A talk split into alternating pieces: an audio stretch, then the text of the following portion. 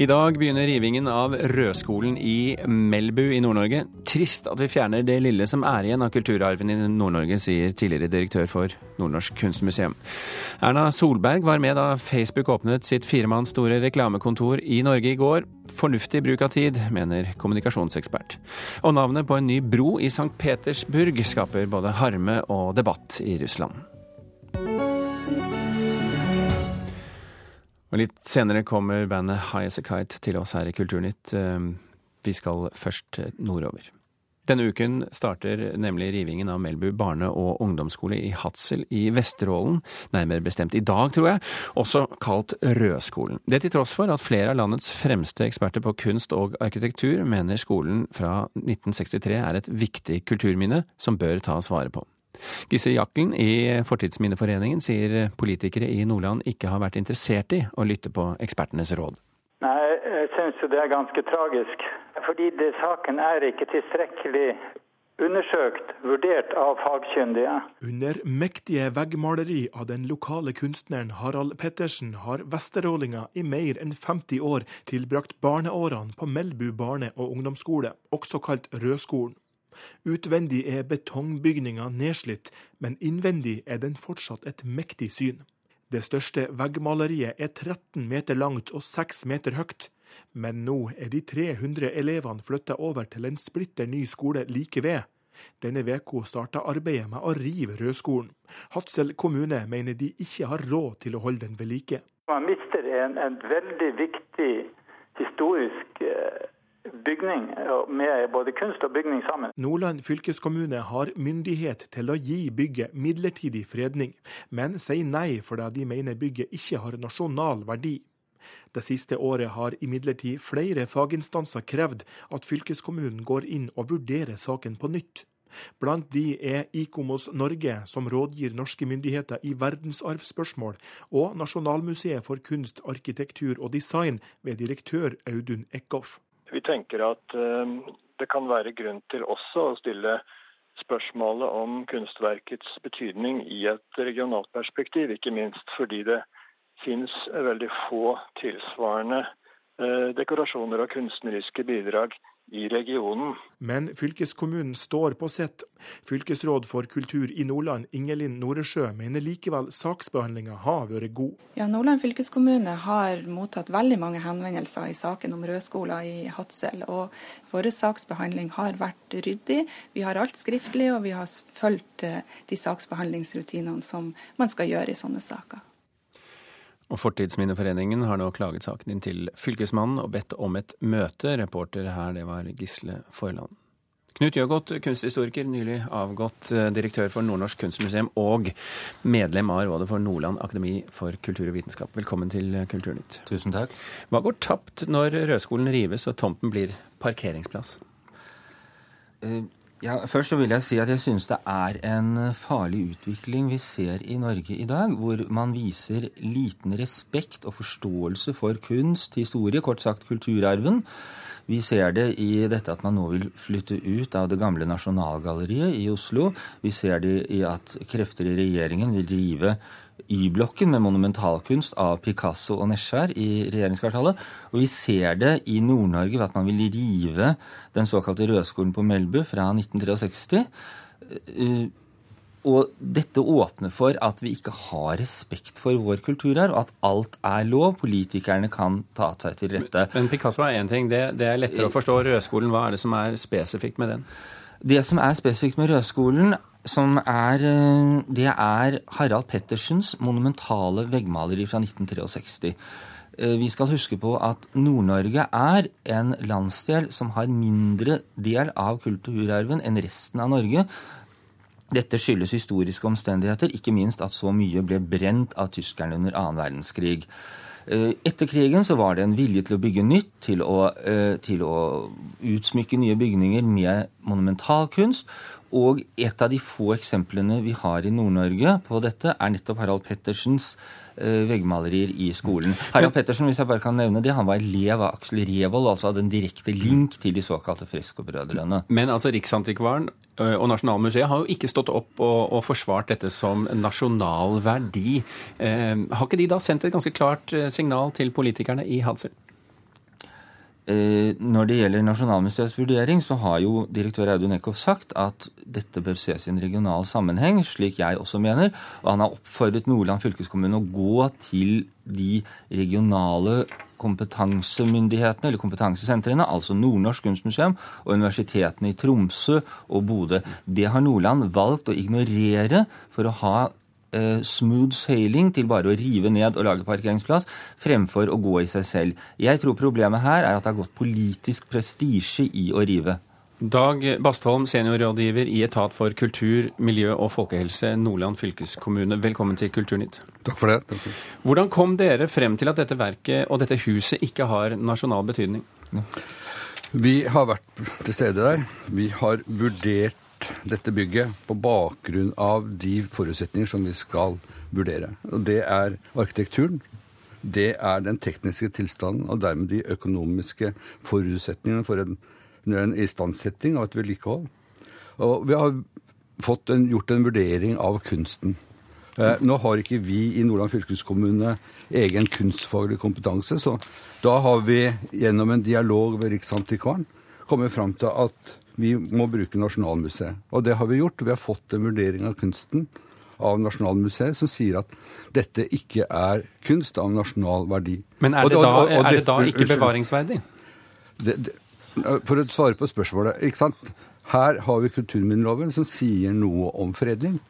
Og for at det skal være fred, fredningsverdig, så må det eh, være av nasjonal verdi. Men om det er verneverdig, ja, det er kommunens vurdering. Vi i fylkeskommunen har ikke noe middel, ikke noe verktøy, og skal heller ikke ha det, fordi at det er kommunen som er arealplanmyndighet i, i Nordland. Og, eller i, i Norge. Og, og, dermed må de gjøre de grepene som er i henhold til plan- og bygningsloven på det området. Men betyr det da at vi står i en sak der, eh, der man ikke har gjort en, en god kunstfaglig vurdering av dette eh, bygget? Jo, jeg mener at vi har gjort en god kunstfaglig vurdering av bygget fordi vi har fått Nasjonalmuseet til å vurdere mm. dette her i, en, i, en, nasjonal kontekst. Om, om, om, det har en regional verdi, ja det er en annen sak, men det har ingenting med en fredning å gjøre. Uh, Knut Gjøgodt. Ja, For det første så er jeg helt uenig i at denne bygningen og uh, maleriene ikke har nasjonal verdi. Nettopp på grunnlag av at det finnes så få eksempler på denne tradisjonen i Nord-Norge. For det annet så øh, synes jeg oppriktig talt, med all respekt, Bastholm, at det er feigt av fylkeskommunen og kommunen å dekke seg bak et regelverk fremfor å våge å tenke nytt.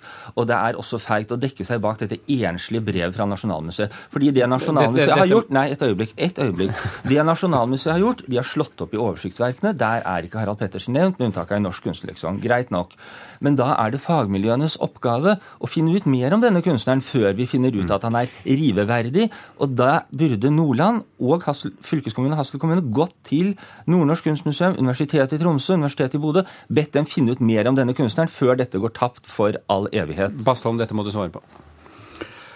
Vi forholder oss til de rådene som vi får fra Riksantikvaren i denne sammenhengen. der, Fordi at vi må vurdere den nasjonale konteksten på disse maleriene. Og, og godt hende at de maleriene har en regional verdi. Det, det, det skal ikke jeg underkjenne. Jeg har ikke noen kompetanse for å vurdere den kunsten på det området. Det er nettopp derfor vi har gått ut til nasjonalregjeringen, for å få den beste kompetansen på det i forhold til å gjøre en fredning, for å kunne få Hvis det var situasjonen, at det hadde en nasjonal verdi, og for å kunne da ha vurdert om det skulle få en midlertidig fredning. Jeg har en følelse av at dette kan vi diskutere til uh, kuene skal inn. Det mm. har vi ikke tid til her i Kulturnytt. Vi er nødt til å sette strek. Uh, Dag Bastholm uh, fra studio i Bodø og Knut Gjøgodt her i, på Marienlyst, takk for at dere var med i Kulturnytt.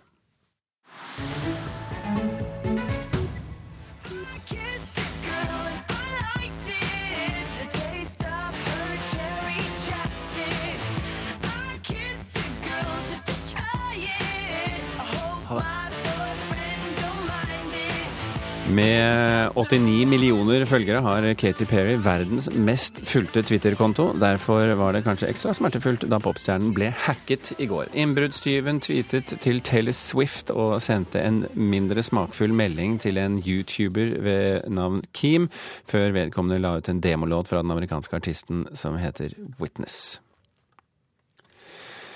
3,2 millioner nordmenn er på Facebook, og i går åpnet Facebook sitt kontor i Norge med brask og bram, kjendiser og Erna Solberg, selv om kontoret er en liten del av det enorme selskapet og kun har fire ansatte.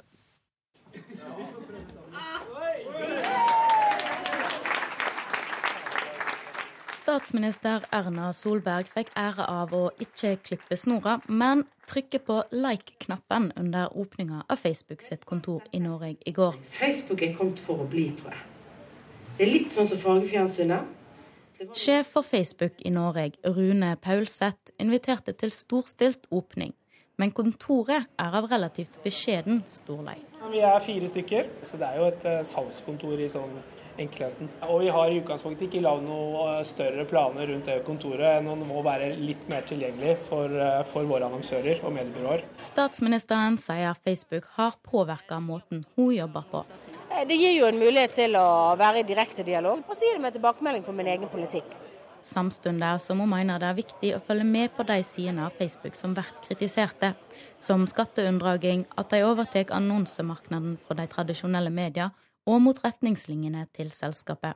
Disse tingene blir ikke hovedfokus til Oslo-kontoret. Eh, jeg tenker at Det er en diskusjon som, eh, som man må ha uh, fortløpende med Facebook. De må underligge de lover og regler som er. Og det er klart at Myndighetene må jo på en måte også lovregulere disse spørsmålene etter hvert. Og hvorfor statsministeren velger å åpne dette? Uh, fordi at jeg syns det er morsomt å gjøre det, og fordi at jeg syns det er fint at de har arbeidsplasser i Norge. Uh, det er jo, Facebook kommer til å være her uansett om de har kontor eller ikke, men det er jo fint at de har kontor, sånn at vi får noen nordmenn som jobber eh, og har, har jobb fremover. Reporter her, det var Maria Piles Vaasan. Hans Petter Nygaard Hansen, eh, foredragsholder og kommunikasjonsrådgiver, velkommen til Kulturnytt. Takk for det. Hvor mange reklamebyråetableringer med fire ansatte besøker statsministeren i løpet av året, tror du? det er nok antageligvis et av de første, om ikke det aller første. Eh, nå tror jeg ikke hun besøker de for å feire at de har fire ansatte. Jeg tror hun faktisk da er til stede, og var til stede, fordi Facebook er en en av de største industrisuksessene, eller ja, kommersielle suksessene vi har sett nå i de siste 10-12 årene som Facebook har eksistert. Og, og, det å kaste glans over et stort selskap som etablerer seg i Norge, det er jo ikke noe nytt i seg selv. Men reklameinntektene i Norge flyttes jo stadig større grad fra de etablerte norske mediene, og særlig da aviser, og over på utenlandske, sånn som Google og Facebook. Eh, hvor opptatt av dette fenomenet tror du Erna Solberg er? Jeg tror hun er veldig opptatt av det. Jeg tror hun er klar over at Facebook, og det syns jeg kom frem i, i talen hennes også i går under åpningen, at uh, Facebook og internett og sosiale medier som sådan endrer uh, hvordan vi lever, leker, lærer og jobber på. Uh, og nå har jo internett vært i Norge i over 20 år og i verden for øvrig. Så det å kalle ting for etablert og kalle det liksom det andre for nye Nå må vi snart liksom bare erkjenne at det her er kanaler. Ferdig med det. Men hva vil det bety for norske annonsører og medier at Facebook har et eget kontor i Norge? Spiller det noen rolle? Uh, ja, altså det er jo, uh, nå har vi jo større, større muligheter da, til å komme tettere på Facebook, slik at vi, slik at vi som annonsører, også dvs. Si virksomheter som ønsker å nå ut både nasjonalt og internasjonalt, kan, uh, kan møte Facebook, lære mer hvordan vi skal utnytte plattformen til det fulle. Det syns jeg er veldig positivt. Hvordan tror du at kontoret vil styrke Facebook i Norge, og da altså styrke konkurransen mot de etablerte norske mediene? Styrke konkurransen Jo, altså, eh, nå har jo Google Norge har jo eksistert i en årrekke. De begynner å nærme seg kanskje 100 ansatte. Eh, så Facebook er fortsatt en liten mygg i antall eh, hoder. De ønsker jo selvfølgelig å ta opp kampen om disse reklamekronene, som etablerte, som du kaller det, medier også ønsker å gjøre det. Og det å være tettere på da er selvfølgelig avgjørende for å og sånn sett få sin i gåstein fair share av det markedet. Hans Petter Nygaard Hansen, takk for at du kom til Kulturnytt.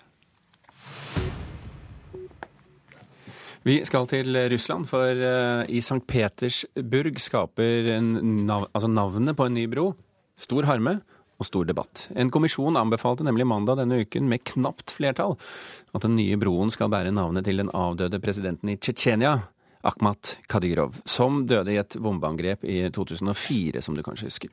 Nå har 30 000 personer signert en underskriftskampanje mot å navngi broen etter den tidligere presidenten. Og Moskva-korrespondent Morten Jentoft først, fortell kort, hvem er Akhmat Ahmed Kadyrov? Ja, som du sa, han var eh, president i eh, Tsjetsjenia fra 2001 til 2004. Eh, før det så var han religiøs leder i Tsjetsjenia, mufti. Han deltok på separatistenes side i begynnelsen av konflikten med Russland, erklærte hellig krig imot Russland, slåss med våpen i hånd sammen med sin sønn Ramzan mot russerne i den første tsjetsjenske krigen på midten av 1990-tallet. Senere så gikk han over på russernes side og ble altså en alliert med den russiske presidenten Vladimir Putin.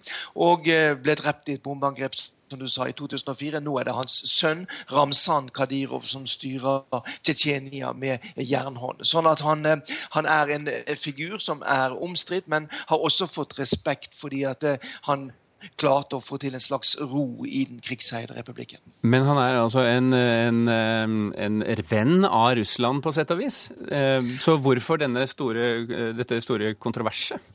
Ja, en venn av Russland det er jo alt dette som hvordan man ser det. fordi at eh, Det som man eh, protesterer mot i St. Petersburg, det er jo selvfølgelig at eh, Ahmed Kadirov har ingenting med St. Petersburg å gjøre. Og det med broer og St. Petersburg, det er jo eh, eh, store, alvorlige ting. Vi vet at eh, St. Petersburg er en av de store brobyene i verden, med mange broer over Neva-floden. Broer som åpnes og lukkes også om natten. sånn at dette er symbol symbolsak som vekker eh, sterke, sterke følelser. Men, men, kommer, ikke, også, ja. kommer, protestene til å, å ha noen eh, effekt, tror du? Eh, det kan de komme, for det var jo relativt mange da som var mot denne, dette navneforslaget. Nå ser vi at det er mange som protesterer via internett. Det ligger på bordet forslag om folkeavstemning. Sånn at dette er blitt en symbolsak for opposisjonen da i, i St. Petersburg mot det sittende styret i byen også. Sånn at dette er en sak som er i ferd med å vokse større enn seg selv også. Morten Jetoff, takk skal du ha. Klokken er 20 minutter over åtte. Du hører på Kulturnytt, og dette er toppsaken i Nyhetsmorgen nå. Det er en kraftig økning i tallet på arbeidsledige over 55 år. Ledigheten blant eldre er gått opp med 20% de siste året. Folk i USA blir advart mot å reise til Europa pga. stor fare for terror. Amerikanerne blir bedt om å være spesielt varsomme dersom de drar til EM i fotball i Frankrike. Og billig medisin kan redde én av fem tarmkreftpasienter. Virkestoffet acetylsalicylsyre, som finnes i aspirin, globoid og Dispril, kan motvirke kreft, viser norsk studie. Det skriver VG i dag.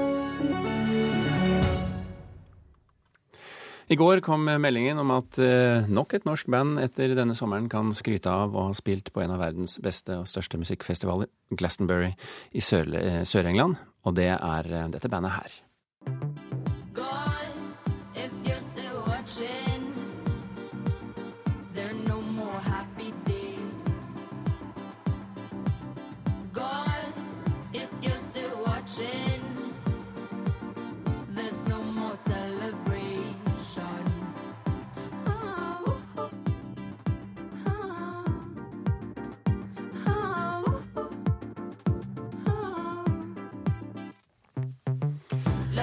Velkommen til Kulturnytt, Ingrid Helene Håvik og Marte Eberson. Hei. Hei, takk. Hvor viktig er det for dere å spille på Glastonbury? Det blir bare sykt gøy. Jeg vet ikke om det er viktig, men mest utrolig kult og gøy. Ja, det er jo altså, det er veldig fint å kunne spille i the UK, som det heter. Mm. Uh, å spille på en så stor festival der borte er jo, er jo på en måte en anerkjennelse. Men det er ikke den eneste store festivalen, for dere skal jo til Great Escape, og dere skal til Roskilde og Øya. Ja, ja. Det blir masse kjekt. Eh, hvordan eh, Altså, dere har jo lagt mye av lanseringen av dette nye bandet, nei, unnskyld, dette nye albumet, eh, Camp Echo, til utlandet. Hvorfor gjør dere det? Fordi det er en stor del av markedet er jo i utlandet. og vi kan ikke bare være i Norge, for da får vi bare turnert to uker i året. På en måte, Vi må liksom ut og ja, ja. vi må ut, ut, ut, i den store verden, holdt jeg på å si, for at vi skal kunne få spille mest mulig òg. Mm. Eh, sånn som Ingrid sa, så er det Hvis vi bare skulle vært her i Norge, så, så begrenser det seg litt, da. Uh, og vi har jo et ønske også om at uh, alle der ute skal få høre musikken vår. Og ikke bare her hjemme.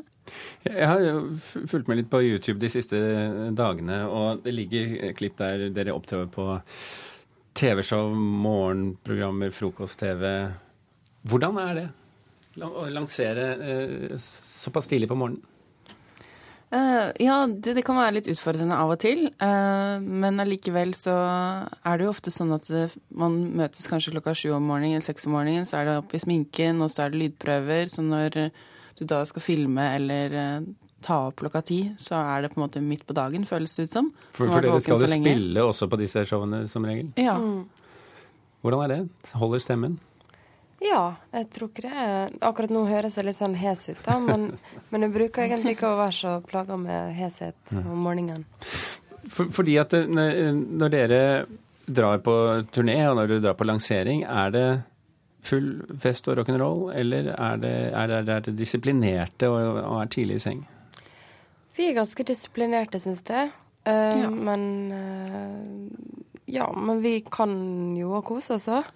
Ja, men det er, jo, altså det er jo Når det er såpass hardt kjør, så er det jo beste er helt klart å komme seg tidlig i seng og få hvilt ut, da. For, for det blir en ganske uh, aktiv sommer for dere? Mm. Ja, absolutt. Det er masse som skal skje, og vi skal spille på mange festivaler både inn- og utland.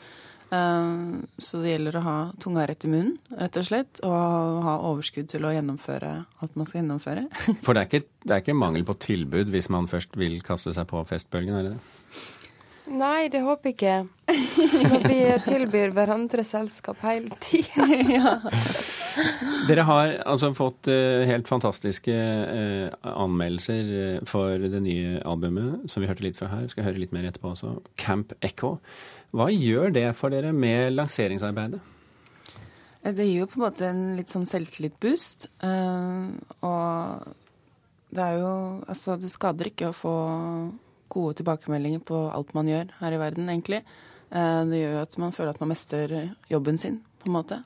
For, for jo, Dere har jo gått en litt ny vei musikalsk i forhold til det forrige albumet, som var en stor suksess, og fremdeles kanskje må regnes som en stor suksess fordi det ligger på listene fremdeles. Men, eh, men eh, var dere usikre på hvordan nye, det nye lydbildet ville bli tatt imot? Ja, det er nå vi kanskje enda. Men vi måtte bare gjøre det sånn, for vi hadde så lyst til å lage akkurat denne plata her. Mm. Så det er bare det var ikke noen vei utenom? Nei, det var ikke noen vei utenom. Og vi kjente liksom ikke på den nervøsiteten før vi ble spurt hele tida på alle intervjuer. Er ikke dere redd, vel? Så bare jo, vi begynner å bli redd nå. ok. Ja. Ingrid Helena Håvik og Marte Eberson, eh, lykke til med festivalsommeren deres. Og, og, takk for at dere kom til Kulturnytt. Vi rekker å høre noen sekunder vi på en annen låt. Dette er Samurai Swords.